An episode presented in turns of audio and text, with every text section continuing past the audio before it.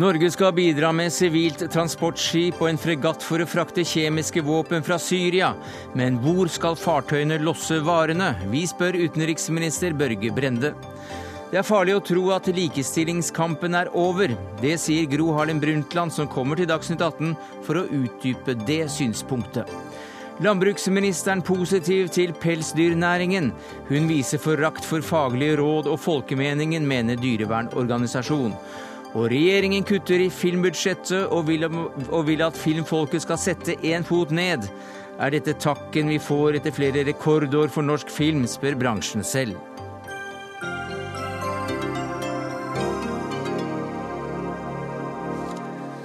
Ja, Det er noen av sakene i Dagsnytt 18 denne torsdagen, der vi også får en vurdering av veien videre for eh, folk flest.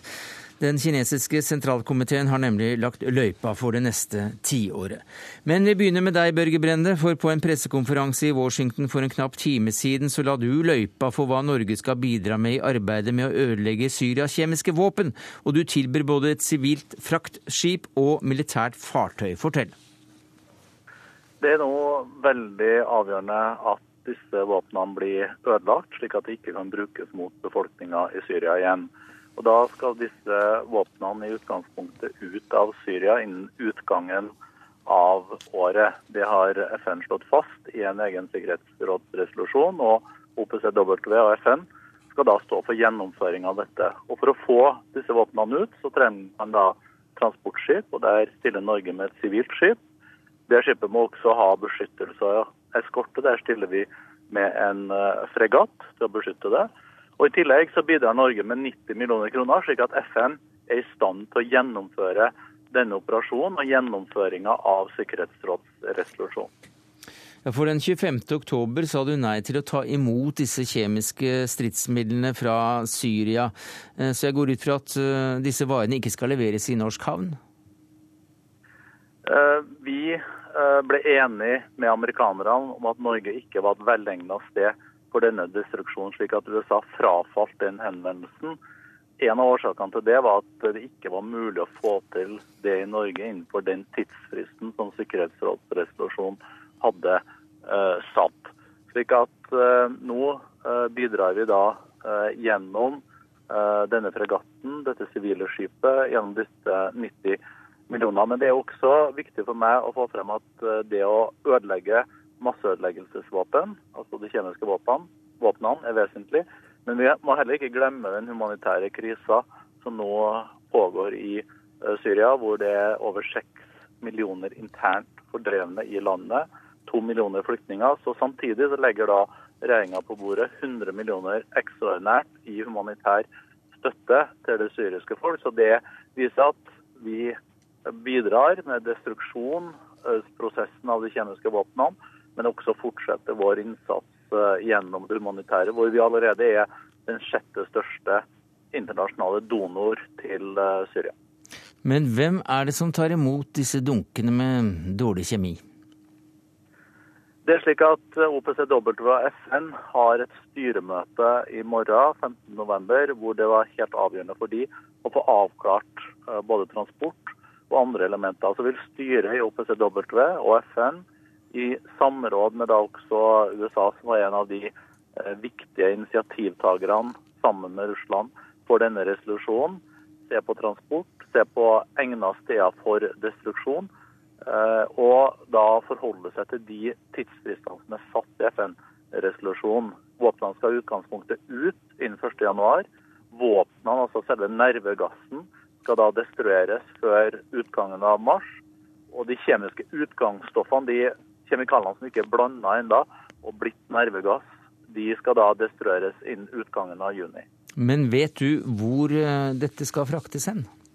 Det er ikke bestemt. Du vet ikke? Det er ikke bestemt, og dette er da en diskusjon som nå pågår eh, mellom FN og eh, også gjennom med USA. Det er ulike lokaliteter som vurderes, men av sikkerhetsmessige hensyn også så uh, det ikke anledning til å gå ut med detaljer. Som du nevnte, så har også Norge da blitt spurt om selv å ødelegge disse våpnene, eller eh, denne, denne kjemien, men takket nei i oktober. Eh, har du fått noen reaksjoner på at det vi bidrar med nå, blir eh, satt spesielt pris på?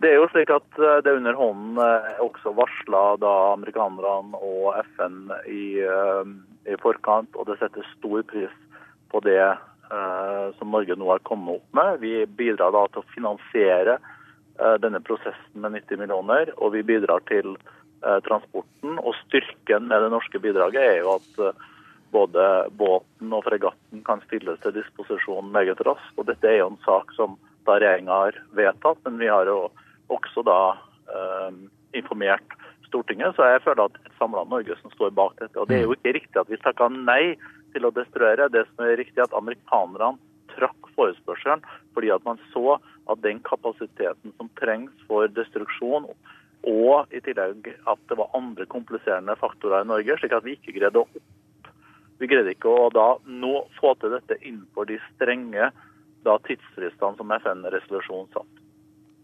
Vi skal ikke holde på deg mer her, for eh, Børge Brende, du skal nå rett i et møte med John McCain, kanskje mest kjent som eh, republikansk presidentkandidat fra noen år tilbake. Hva skal dere prate om? Jeg skal da også informere om eh, denne Syria-saken og destruksjon av kjemiske våpen som han har vært opptatt av. Vi skal også da snakke om da fredsforhandlingene mellom palestinerne og Israel. Vi skal snakke også om situasjonen eh, i Iran og om eh, atomvåpenprogrammet til Iran og de uh, samtalene som ikke kom i mål i Genéve i forrige uke. Så Det er en bred agenda, og mange av disse spørsmålene er jo også som da skal drøftes i morgen med utenriksminister John Kerry. Takk skal du ha for at du ble med i Dagsnytt 18, utenriksminister Børge Brende. Bjørn Arne Johnsen, du er forskningssjef ved Avdeling for miljøtoksikologi ved Forsvarets forskningsinstitutt. Hvilke utfordringer er det du ser eh, som ligger i dette norske tilbudet?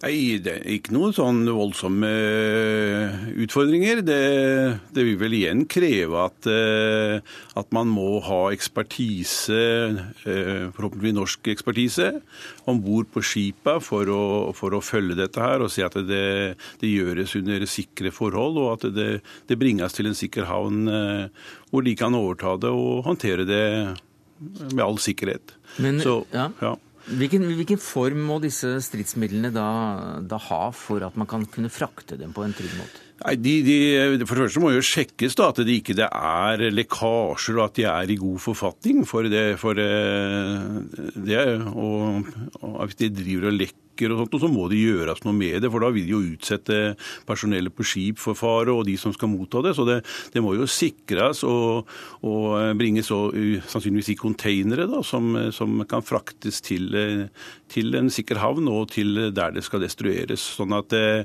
Det er det samme utgangspunktet som vi skulle hatt i til Norge. Vi ville sikre oss at, at det er en sikker forfatning, og at, at det, det er skikkelig vare som bringes ut.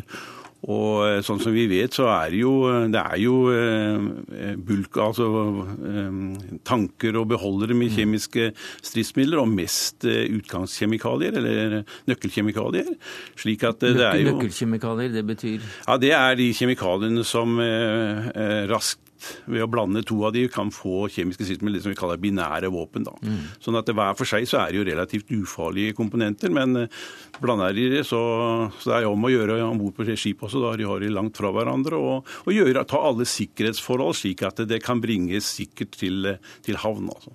Og den utfordringen er ikke så stor for så vidt? Nei, det vil jeg ikke si at den er. Det, men, men, det trengs igjen ekspertise da, til å se at dette gjøres på en forsvarlig og sikker måte. og Enten det da gjøres av OPCWs eksperter eller andre lands eksperter, eller at Norge stiller med, med ekspertise til å gjøre dette. Har vi det? Det har vi, ja. FFI har meldt inn alt vi har av ekspertise som kan hjelpe til med dette her, og, og den er innenfor disse, disse tinga, ja. Så dette som Brende har snakket om nå, det kom kanskje ikke som noen overraskelse på deg? Nei, da vi har hørt at, det, at, Norge skulle komme med et sånt tilbud, så, og vi har blitt spurt om hva vi har av kompetanse, så, så, så var det vel et forventa utspill, ja. Men uh, dette, forstår jeg deg rett, så tåler dette litt sjø?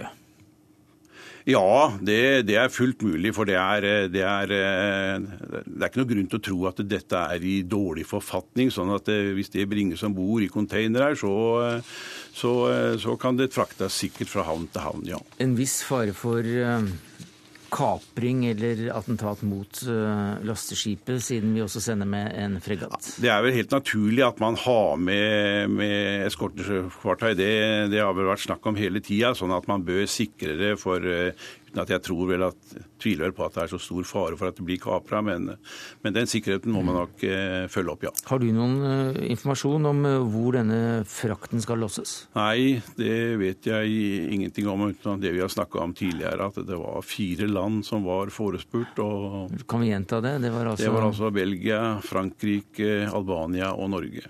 Mm. Pluss at de fem eh, landene i Sikkerhetsrådet de er vel også forespurt og skulle vurdere. Da. Så, så i grunnen så var det vel ni land. Mm. Er dette et bidrag som, eh, som monner?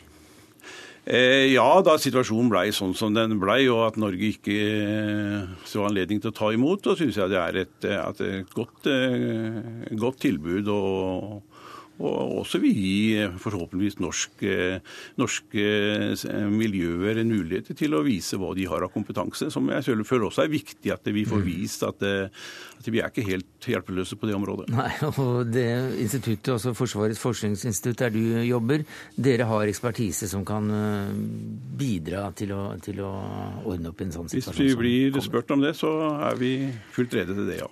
Det er 90 millioner som skal gis eh, i tillegg, i hvert fall en del av det i tillegg, for å være med og bidra til den økonomiske delen av å destruere våpnene. Hva, hva kan det brukes til?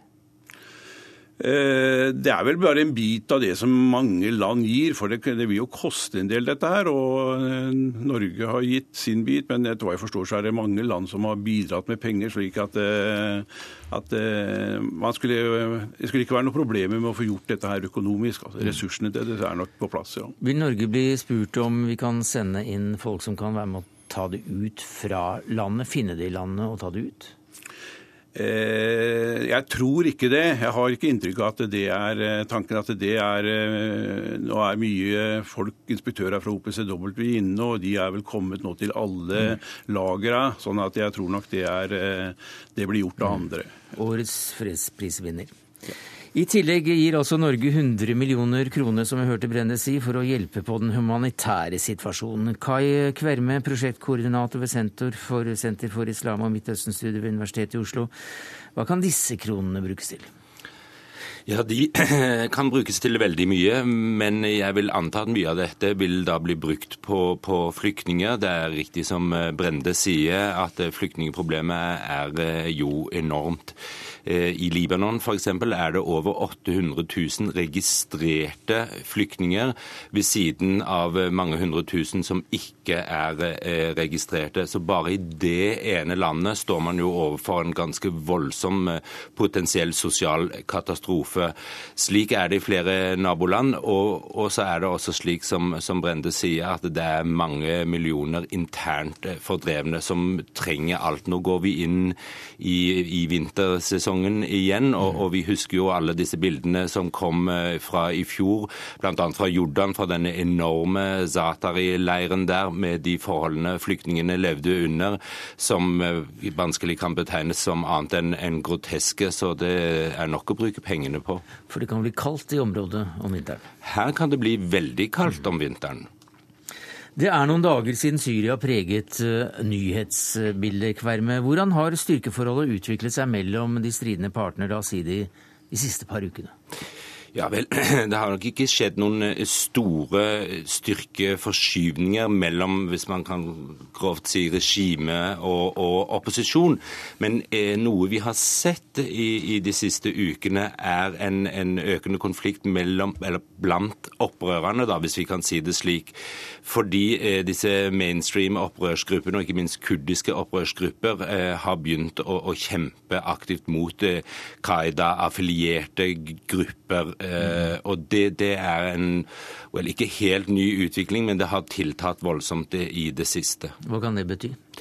Ja, det, det, betyr jo eh, eller Det er et uttrykk for veldig mange ting. Delvis er det jo slik at eh, noen av disse gruppene har åpenbart betydelige økonomiske ressurser og kan eh, ta kontrollen over eh, viktige eh, landområder inne i Syria mange steder hvor de da kommer til makten, eller tar makten, innfører de f.eks. Eh, lovgivning som går helt imot eh, det befolkningen i disse områdene vil, vil, akseptere.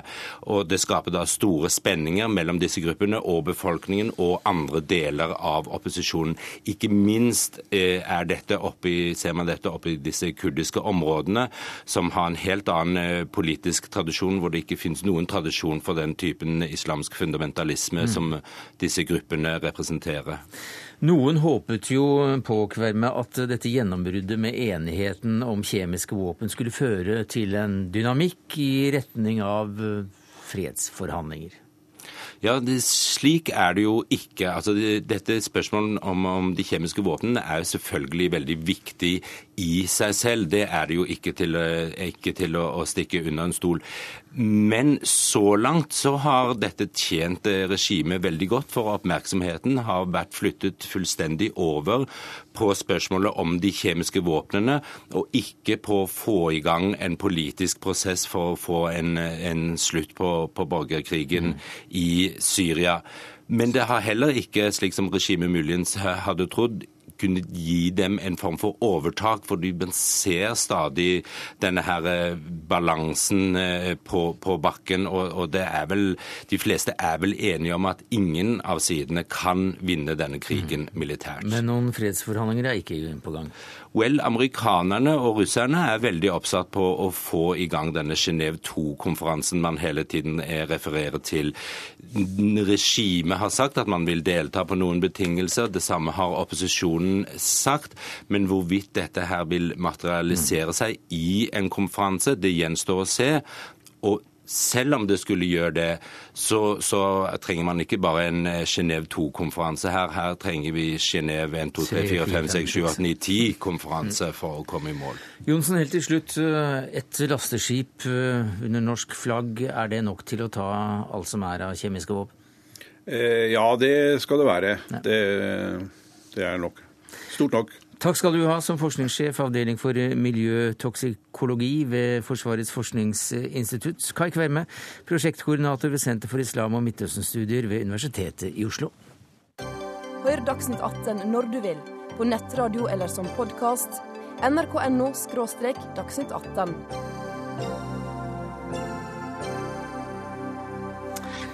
Ja, velkommen til oss, Gro Harlem Brundtland. God dag, og takk for det. I dag så var du hovedtaleren på den internasjonale konferansen som markerte en slags eh, slutt på stemmerettsjubileet i år. Noen har vel fått med seg at det er 100 år siden kvinner, altså folk med et, eh, uten et Y-kromosom, også fikk lov å stemme ved stortingsvalg. Og du benyttet anledningen til å rette en pekefinger mot den som måtte tro at likestillingskampen var, var vunnet for alltid. Hvorfor var det nødvendig? Ja, jeg, tror, eh, jeg trodde allerede 8. mars, da vi hadde den første store direktesendingen fra Kristiansand, at det var nødvendig når man reflekterte over hva som har skjedd, og og jeg ser det over de senere år, at eh, jeg møter stadig flere mennesker som er under 40, og, og unge, helt unge, som sier jo, men vi har jo likestilling i Norge. Det har jo kommet det gjennom den tiden som ja, f.eks. jeg var politiker. Det skjedde liksom i forrige århundre. Og nå behøver vi ikke å tenke så mye på det lenger. Det er over. Eh, men jeg vet jo at når man slutter å tenke på en prosess som for øvrig ikke er helt ferdig, eh, så kan man fort miste tempo, og man kan til og med få tilbakeslag. Og jeg kom til at også denne internasjonale konferansen må bli minnet om det. At eh, det er jo en del land som har kommet et stykke. Det er ikke bare i Norden, det er en del andre land òg. Men det er forferdelig mange steder, selvfølgelig, hvor det står veldig mye igjen hvor jenter og kvinner blir diskriminert på en måte som for oss er helt utenkelig. Ja, for du var opptatt av dette, ikke minst det internasjonale perspektivet her. Og, og hvordan ser du på den internasjonale utviklingen når det gjelder akkurat uh, kvinner og kvinners rettigheter og likestilling? Det finnes Ehm, det har vært mye framgang på en god del områder. F.eks. utdanning og helse. Vi hadde jo eh, tusenårsmålene. De har hjulpet til å presse og inspirere verden framover på en del sentrale områder. Ehm, men det er likevel slik at det foregår en dragkamp eh, innenfor som helse innenfor reproduktiv helse, som er knyttet direkte opp til, kvinner og kvinners skjebne og fremtid. Det er ene, det ene perspektivet, som jeg kommer tilbake til på slutten av foredraget. Men det er også slik at eh, etter hvert som du ser at fattigdommen, som vi ofte har sagt, har en kvinnes ansikt. I land hvor det er mye fattigdom, så er det en stor prosentandel av dem som er kvinner. Så har vi fått et uh, nytt perspektiv, eller et forverret perspektiv, um, når det gjelder ulikhet. Større forskjeller i verden, mellom de rike og de fattige, men også både mellom land. Uh, hvor, men det verste nå er at det er større ulikheter innad i en rekke land. Mm -hmm. Og det gjør jo at fattigdommen blir et større problem i et større antall land. Det er ikke bare snakk om de som har under én eller to dollar per dag. Men det er fattigdom, ikke minst, som rammer kvinner i svært mange land. Jeg nevnte i dag et eksempel fra Kina. Det går på hvordan eh, kamper, eller kan du si en, en, en likestillingssituasjon som man har vunnet fram med i Kina f.eks. Så har man i de siste 10-20 år sett betydelig tilbakeslag når det gjelder forholdet mellom gjennomsnittlig manns- og kvinnelønninger og, og, økonomisk situasjon for de to kjønn. Eh, kvinner i byene i Kina hadde i 1990 79 eh, av menns lønn som gjennomsnitt. Så gikk det tilbake til 70% ti år etter, og nå er det 67 i byene i Kina. På landsbygda i Kina er det mye verre.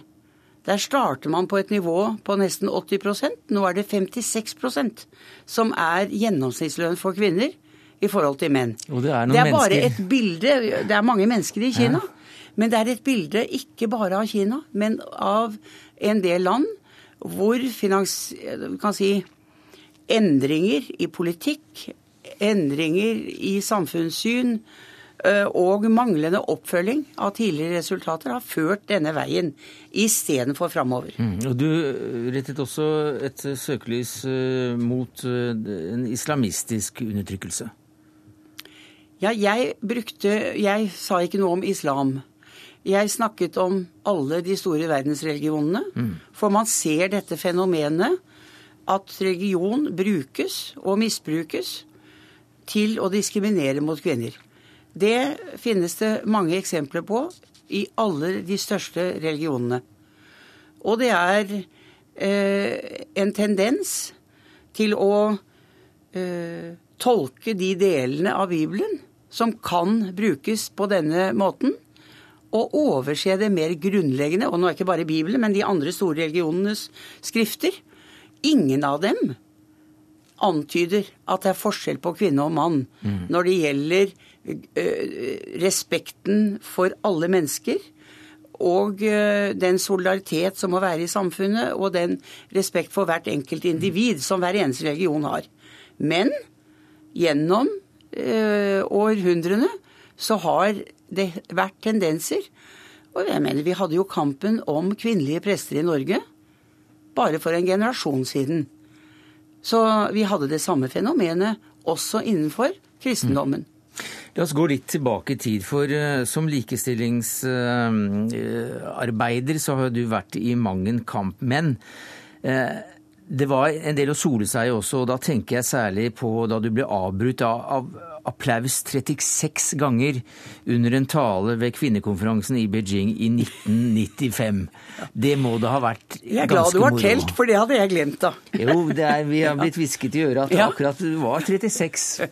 For det var en som var der og, og faktisk helte. Ja, ja. Eh, men eh, hva er det du kan se tilbake til fra ditt eget arbeid som du er spesielt godt fornøyd med når det gjelder akkurat hva du har fått til med hensyn til likestilling? Jeg må innrømme at det er en lang rekke punkter på den listen. Så jeg vil ikke nesten gå inn og gi deg alle. Nei, men, men la, jo, ja. men la meg si det at talen i Kairo, den var vellykket. Ja. Eh, den ble eh, hørt, og den ble observert eh, verden over. Det kom kritikk fordi det jeg sa var for radikalt.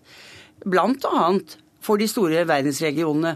Og de, de slo seg sammen i kraftige uttalelser mot de forferdelige tingene jeg sa. Og det eneste jeg sa, det var at det skal være likestilling mellom mann og kvinne. Eh, og man må dekriminalisere, sa jeg. Det var det verste punktet. Man må dekriminalisere abort.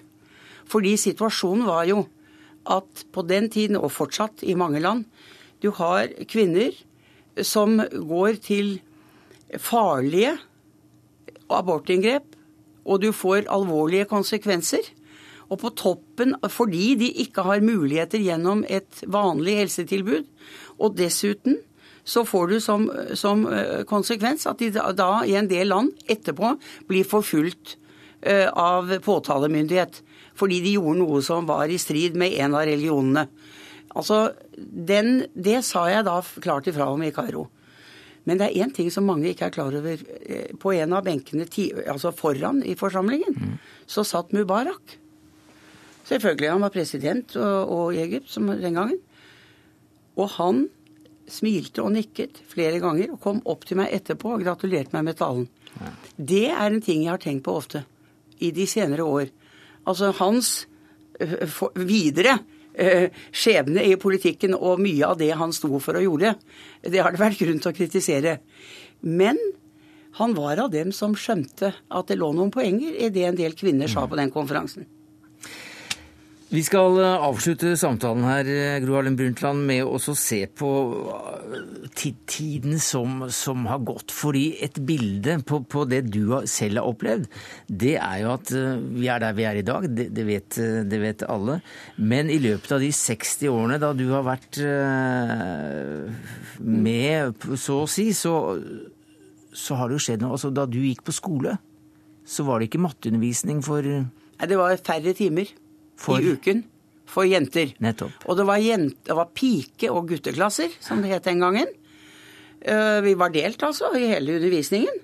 Og det gjorde det også mulig da, å gi forskjellig undervisning til jenter og gutter. Så vi fikk én time mindre matematikk i uken, men vi hadde skolekjøkken, må være. Fordi vi skulle jo lære hvordan man skulle eh, koke mat til familien og til mennene. Det var det det gikk ut på. Så verden, altså Norge er forandret. Meget grunnleggende siden jeg var 10-15 år gammel. Og takk for det. Og takk for at du kom til Dagsnytt 18. Takk skal du ha, Gro Harlem Brundtland.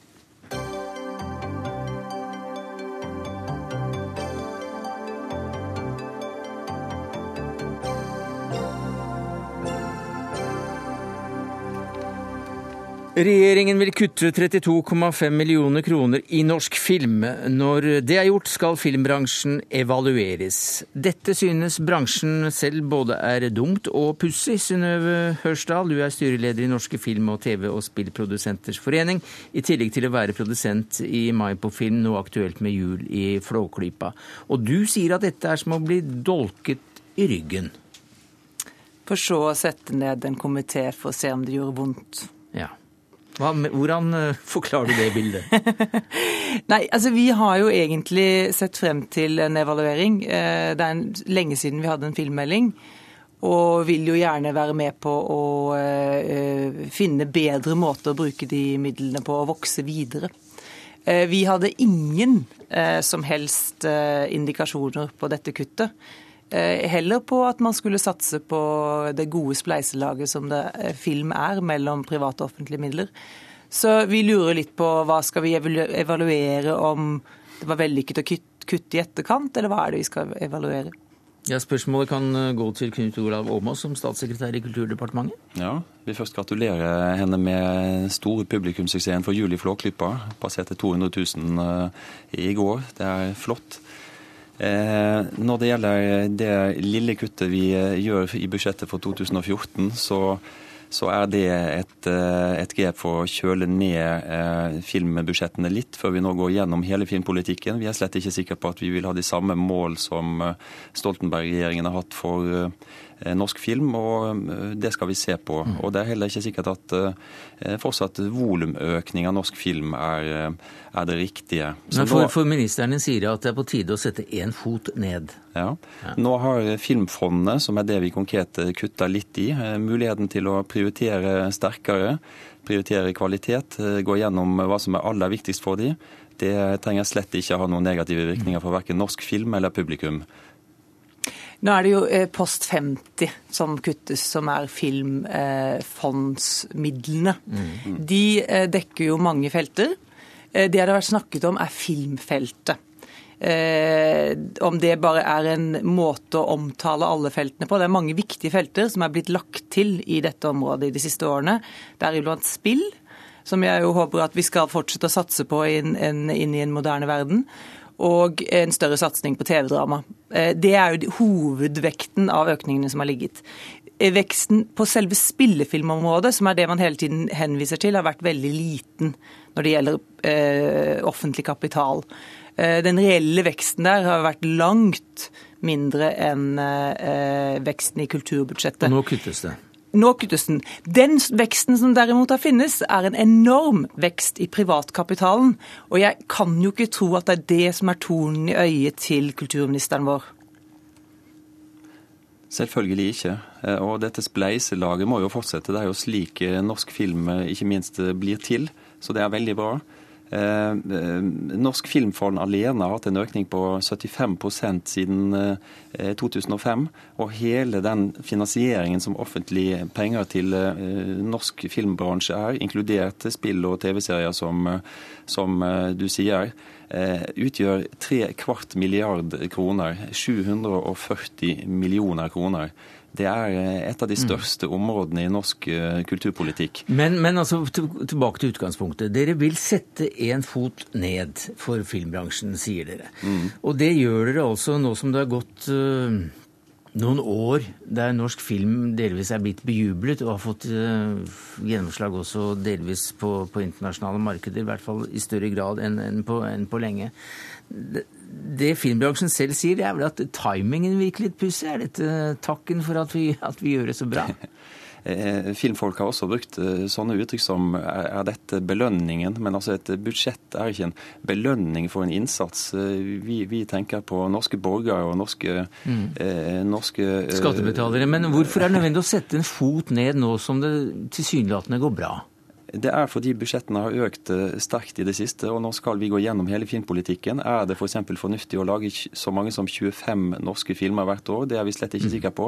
Og vi vil styre norsk filmbransje mindre. Stoltenberg-regjeringen har hatt eh, veldig mange konkrete mål og krav til filmbransjen. Eh, som går på alt mulig mellom himmel og jord. Og dette skal vi nå, nå se, se, på. Mm. Men nå er utfordringen Filmfondet. De får full frihet til å se på hva de selv vil kutte. Dette nokså beskjedne eh, kuttet vi foreslår i 2014. Og, og mm. da er utfordringen til Filmfondet å gå inn og se på nøyaktig mm. hva vil de prioritere. Ja, altså Dette beskjedne kuttet, eh, som er jo da eh, litt over, eller ca. 8% som er jo ganske mye da, i noen fondsmidler. Det er klart det rammer eh, små og mellomstore bedrifter. Det er private bedrifter som utfører alle disse feltene som ligger under post 50. Det er ingen av de offentlige etatene som eh, eh, har av disse midlene, det er de midlene som deles ut. Eh, det eh, at det har vært vekst, som de hele tiden nå gjentar det igjen, Jeg vet ikke hvor denne veksten de henviser til, i hvert fall ikke på spillefilmområdet, for de snakker hele tiden om én eller to filmer eh, mindre. Det er altså den private kapitalen som har stått for det den veksten. Veksten i volum, som er jo private midler som både har gjort større filmer, eh, kommer fra det private. Og Jeg syns det er pussig at de henviser til det, fordi det kan da ikke være et ønske om redusert privatkapital? Nei, men eh, kanskje er det grunn til å se på nå om, om uh, antallet produserte filmer i Norge er på det, på det riktige nivået. Dere syns tydeligvis at det er litt høyt? Muligens. Det skal vi nå se på i nærmeste framtid. Om dette kuttet fører til én eller to eh, færre filmer neste år, så må Filmfondet prioritere slik at mm. Eh, de riktige filmene får støtte. Mm. Vi vil gjerne evaluere, og vi ser frem til det og vil gjerne være bidragsytere til det. Vi skulle bare ønske at vi kunne evaluere først. Takk skal du ha, Synnøve Hørsdal, filmprodusent, og Knut Olav Åmås, statssekretær i Kulturdepartementet.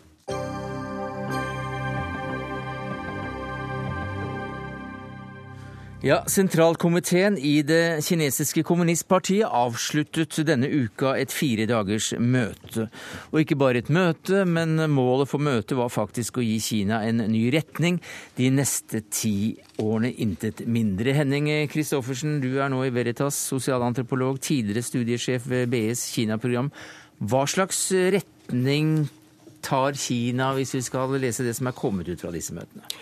Kina skal jo ta en, en, eh, en helt ny retning. Og det har vel ikke kommet så veldig mye, mye, nytt i og for seg, for Kina har sagt de rette tingene i veldig mange år. Det som er det store spørsmålet, er jo om eh, den nye ledelsen de faktisk klarer å gjennomføre det. Og der er det mange, mange hinder på veien. Og det går jo på eh, graden av lokal makt, f.eks., og hvordan, hva slags verktøy presidenten og lederskapet har for å, å styre utviklingen. Eh, så, og, og, presidenten Xi Jinping han har, tok jo noen interessante grep. Eh, I, har jo tatt noen interessante grep i disse dagene. Det har han. Ja, Hvilke da?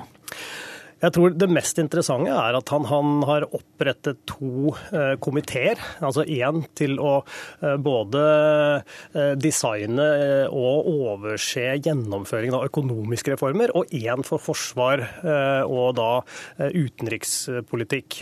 Det høres kanskje ikke så voldsomt ut, men i det så ligger jo faktisk en erkjennelse av at det partiapparatet hans som han har nå, at det ikke er tilstrekkelig. At han tror ikke helt på at de klarer å gjennomføre de endringene som skal til. Så han har jo disse to komiteene da, som er uh, uavhengig av partilinja som sådan, som, som ekstra verktøy mm. som liksom kan, kan, gå forbi det tradisjonelle partiapparatet. Så, så, det ligger både en erkjennelse i det, og så får vi jo se da, uh, hvor effektive disse mm. komiteene kan, kan være. Og For de som husker Deng Xiaopings tid, så var det akkurat det også han gjorde. Nemlig han fikk komité um, i arbeid, og vi så jo resultatene av det ganske raskt.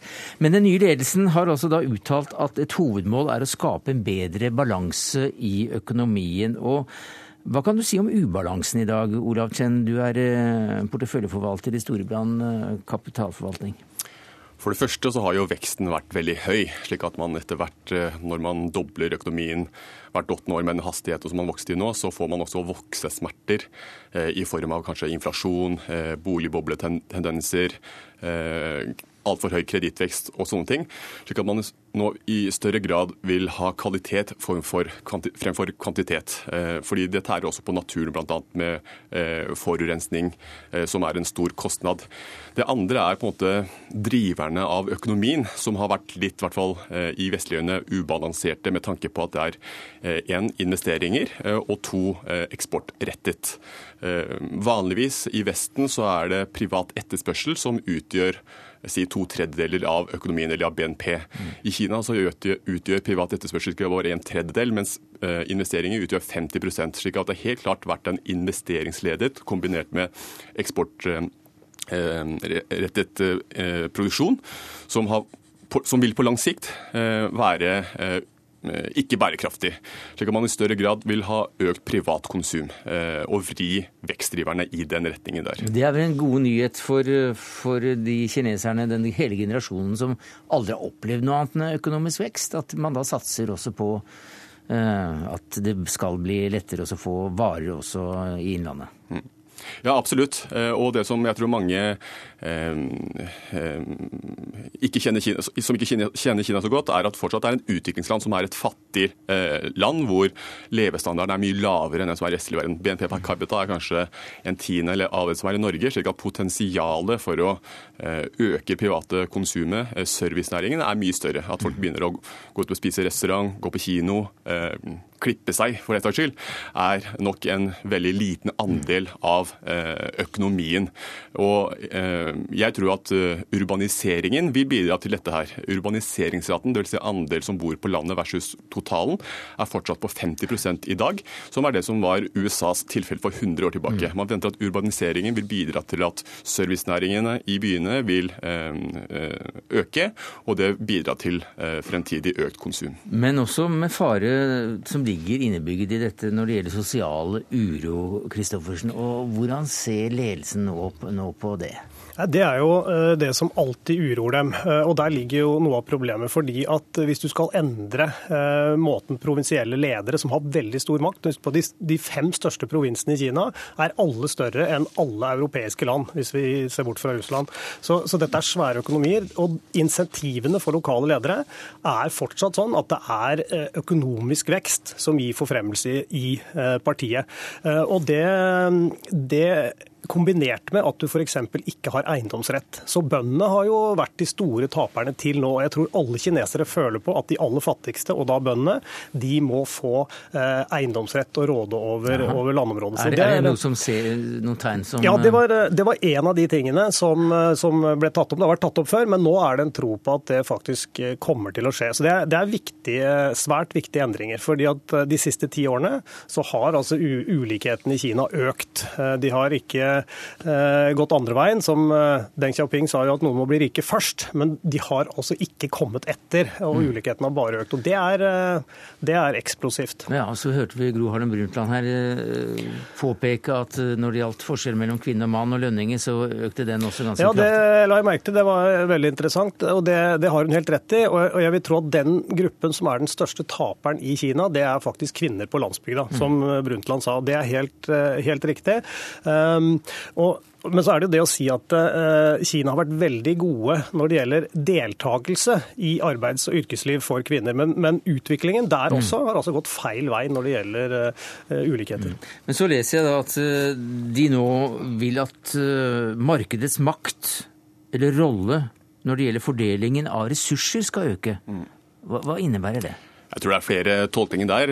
En som er ganske nærliggende, er nok eh, at statsbedriftene, som har vært spydspissene eh, hittil, vil få eh, noe mindre rolle og kanskje, kanskje mindre fordeler ved at private selskaper kan få komme til, få samme lånebetingelser osv. Det er det ene. Det andre tror jeg også mer teknisk av teknisk art er at ting som i Vesten er markedsstyrt, f.eks. valuta og rentesetting, har til i dag så å si praktisk talt vært sentralstyrt av myndighetene.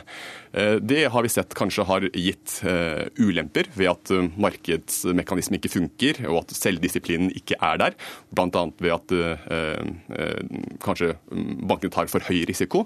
slik at målet til kinesiske myndigheter er å frigjøre de såkalte kapitalmarkedene ved at mm. rentesetningen og valuta som henger sammen, i større grad blir satt ut ifra mm. markedskreftene, som man vurderer dit hen gir, beste, gir det beste svaret, eller beste prisen. Ja. Altså, økt fri frihet for å la markedet bestemme. Men eh, ganske kort til slutt, Kristoffersen. Er det snakk om andre friheter også? Demokratiske rettigheter, f.eks.? Eh, jeg tror ikke det er slik at den jevne kineser tror at eh, alle Kinas problemer løses hvis du får demokrati veldig raskt. Men denne komiteen som skal se på økonomiske reformer, mm. den kommer nok også til å måtte se på politiske reformer. For det er grenser for hvor mye du kan løse opp bare økonomisk uten at noe av det politiske må være med. Så, men det er jo det som er den store vanskeligheten for det kinesiske lederskapet fremover. De har rett og slett ikke noen, noen modell som de bare kan mm. ta ned fra hylla og vite hvor de skal gå gå. Nå, og de er veldig redde for å gjøre noe ting for raskt. Eh, når du har 1,3 milliarder mennesker og det er fare mm. for uro, som vi har snakket om, så er de veldig redde for det. Men det er også farlig å gjøre ting for sakte. Takk skal du ha, Henning Christoffersen, nå i Veritas, sosialantropolog, tidligere studiesjef på BS Kina-program, og Ola Chen, porteføljeforvalter i Storebrand kapitalforvaltning, for at dere kommer siste nytt fra Midtens rike.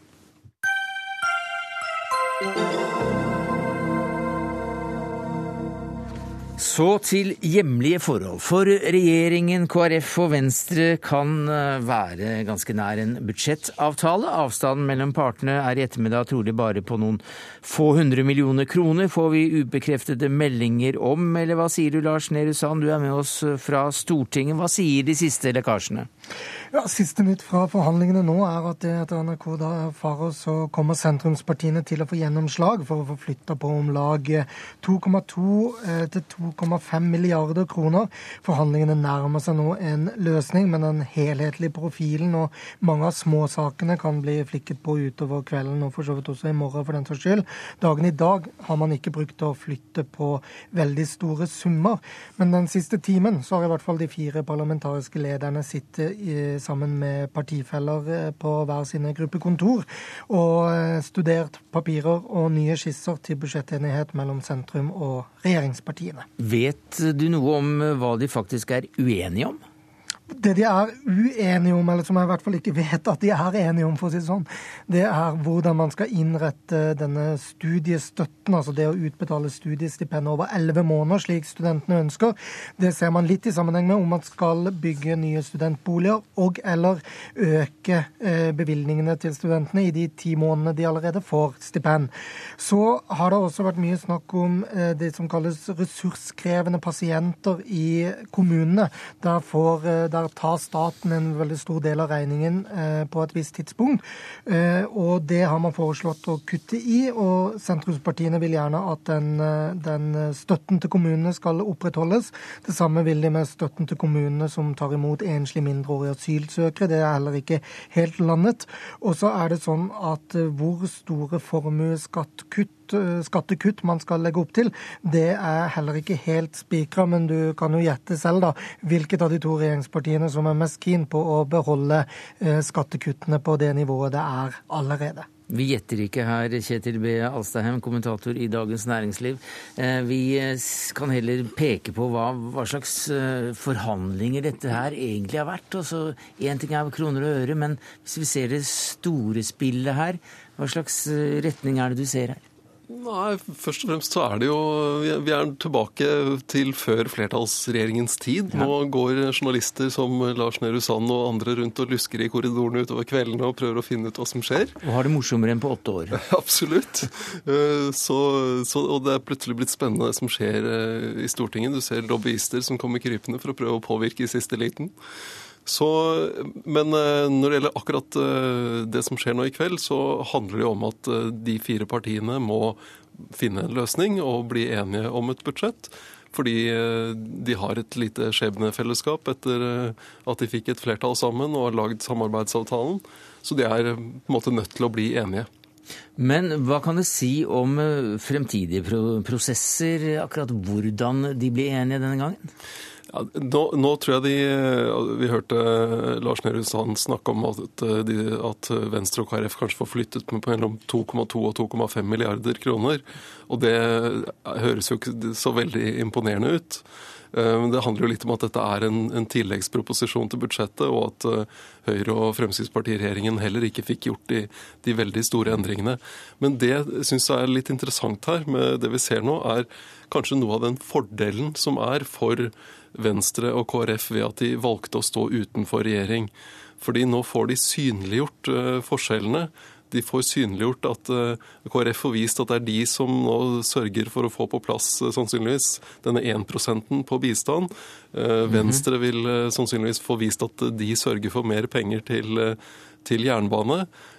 Og de, blir, de får markert seg tydeligere enn om de satt inne i regjering. og måtte kompromisse på, på, bakrommet uten at vi fikk det samme eh, innsynet i, i, forhandlingene. Og Det tror jeg også er en fordel for, eh, for, Fremskrittspartiet særlig, som sitter i regjering, og som kan si at eh, ja, vi ville ha større skattelettelser, men så måtte vi dessverre forhandle med Venstre og KrF. Så man kan skylde på hverandre og allikevel få markert sin egen politikk, og et budsjett til slutt. Ja, det, det, blir litt sånn, tror jeg. Det er win-win situation, men ifølge VG så ligger det an til at skatteklasse 2 likevel ikke blir fjernet. Vet du mer om dette, Lars Nehru Sand?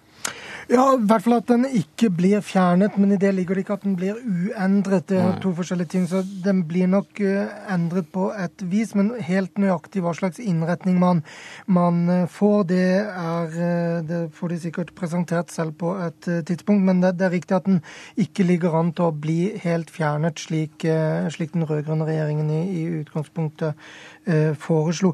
Men det som er et morsomt poeng også med årets budsjett, som jeg tror nesten ikke har skjedd før, og som det blir lenge til vi får se igjen, det er jo at syv av åtte partier på Stortinget faktisk har et eierforhold til det budsjettet man går inn i 2014 med.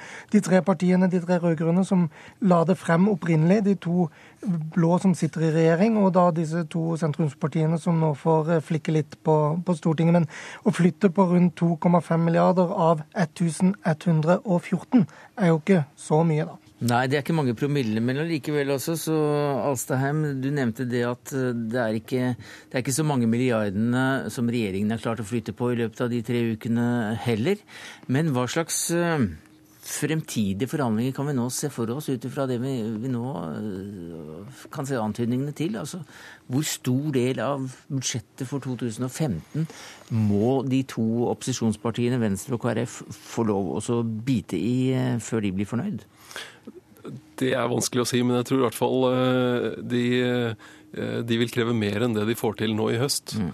Eh, men en interessant ting å, nevne her er jo at i valgkampen så hørte vi ganske mye om, om hvordan det ville bli borgerlig kaos hvis det ble et borgerlig flertall. Eh, nå har disse fire partiene klart å lage en samarbeidsavtale. Eh, vi har fått en borgerlig regjering, og sannsynligvis får vi en budsjettavtale i løpet av eh, et døgn. Så det nærmeste vi har vært borgerlig kaos denne høsten, det er vel Per Sandberg. Da lar vi det stå som siste ord i denne saken. Kjetil B. Alstadheim, takk skal du ha som kommentator i Dagens Næringsliv. Og til deg i Stortinget, Lars Nehru Sand, politisk journalist her i NRK.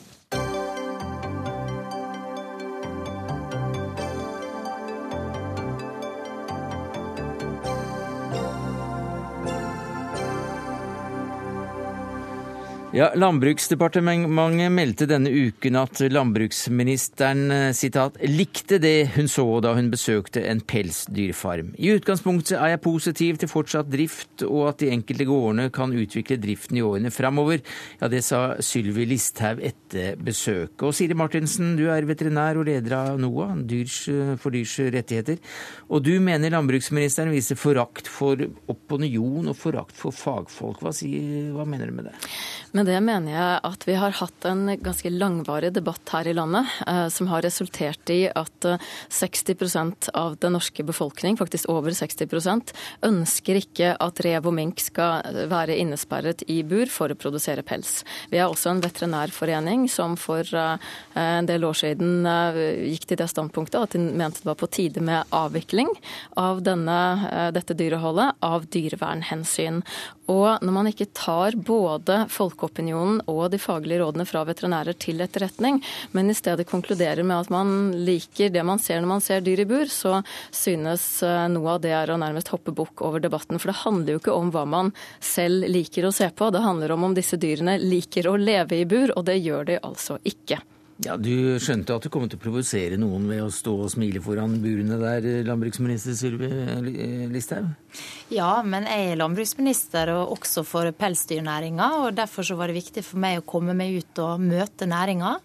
Jeg traff en familie som har drevet med dette her i over 80 år som har gjort eh, store investeringer de siste åra fordi vi har stramma opp regelverket kraftig i Norge. Og det er jeg veldig glad for. Jeg er også veldig glad for at eh, Mattilsynet fører hyppige kontroller med næringa. Det er ingen næring eh, ellers som blir så kontrollert som pelsdyrnæringa. Og jeg er opptatt av å føre en kunnskapsbasert politikk.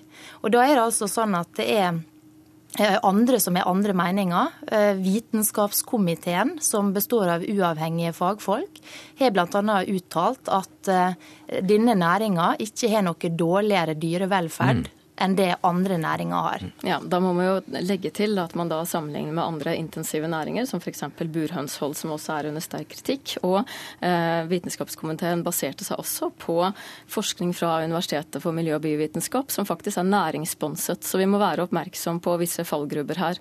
Nå er det slik at, vi, eh, at Veterinærforeningen er klare på dette, og de er jo også en fagautoritet. Og vi har også eksempler fra andre land hvor etologiske og veterinærmedisinske diskusjoner har ledet ledet til, eh, og selvfølgelig etiske diskusjoner, har ledet til at det har blitt forbud i land vi ønsker å sammenligne oss med. Og opinionen i Norge er ikke svakere eh, i forhold til dyrevelferd enn det opinionen i disse landene er. Så det er på tide at politikerne nå respekterer hva folk flest mener, for å bruke Fremskrittspartiets eget slagord. Og folk flest ønsker ikke at vi skal ha dyr i trange bur hvor de ikke får utløp for noe av sin naturlige atferd. Ja, de landene som har avvikla dette, her er land der det ikke vil drevet noe særlig særlig innenfor denne næringa. Danmark og Finland er de, største produsentene innenfor mink og rev.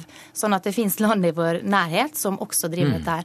Det som jeg, hvis jeg kan få fortsette, så er jeg opptatt av at en kan ikke dømme en hel næring fordi noen eh, driver dårlig. Da må slå ned på de som driver dårlig, og ha strenge mm. regler. Og det, Men det er jo ikke det bare ja, For det første så er det Nederland er det siste landet som har uh, gått inn for totalforbud, og de er en stor minkprodusent. Så de har gjort dette på bakgrunn av eh, omtrent like lange diskusjoner som det vi har hatt i Norge.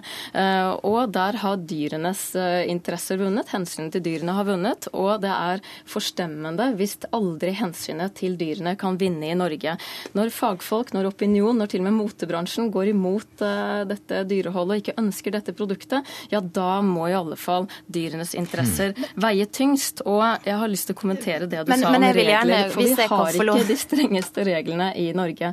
Det eh, har man i andre land, og der viser det seg at næringen da blir uøkonomisk og legger ned. Ja, det som Jeg er veldig opptatt av dyrevelferd, og jeg mener at det å fostre opp pelsdyr i Norge eh, gjør at de får det bedre enn det som er alternativet, nemlig at hvis vi legger ned, så kommer denne produksjonen til å flytte til andre land som ikke har så strenge regler. Ja, det er vel et godt argument for å holde den Nei, det, det er ikke et godt argument. fordi vi snakket om, Dere snakket om Kina her tidligere, og det er jo det du har brukt som eksempel. Nå har jeg direkte kontakt med kinesiske dyrevernorganisasjoner. Det er ikke så lett å drive dyrevern i Kina, men hva ønsker de? De ønsker jo ikke at andre land bare skal sitte på sidelinjen og si ja vel, gjør man det i Kina, så må vi gjøre det her også.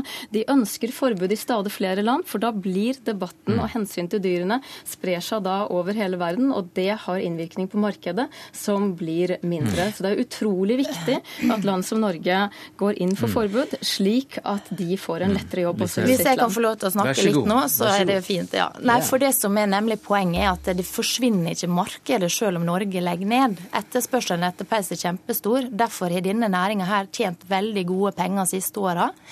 Og nettopp derfor så mener jeg at dette er en næring som vi må utvikle videre. Og så kan vi gjerne se på om vi skal ha strengere krav.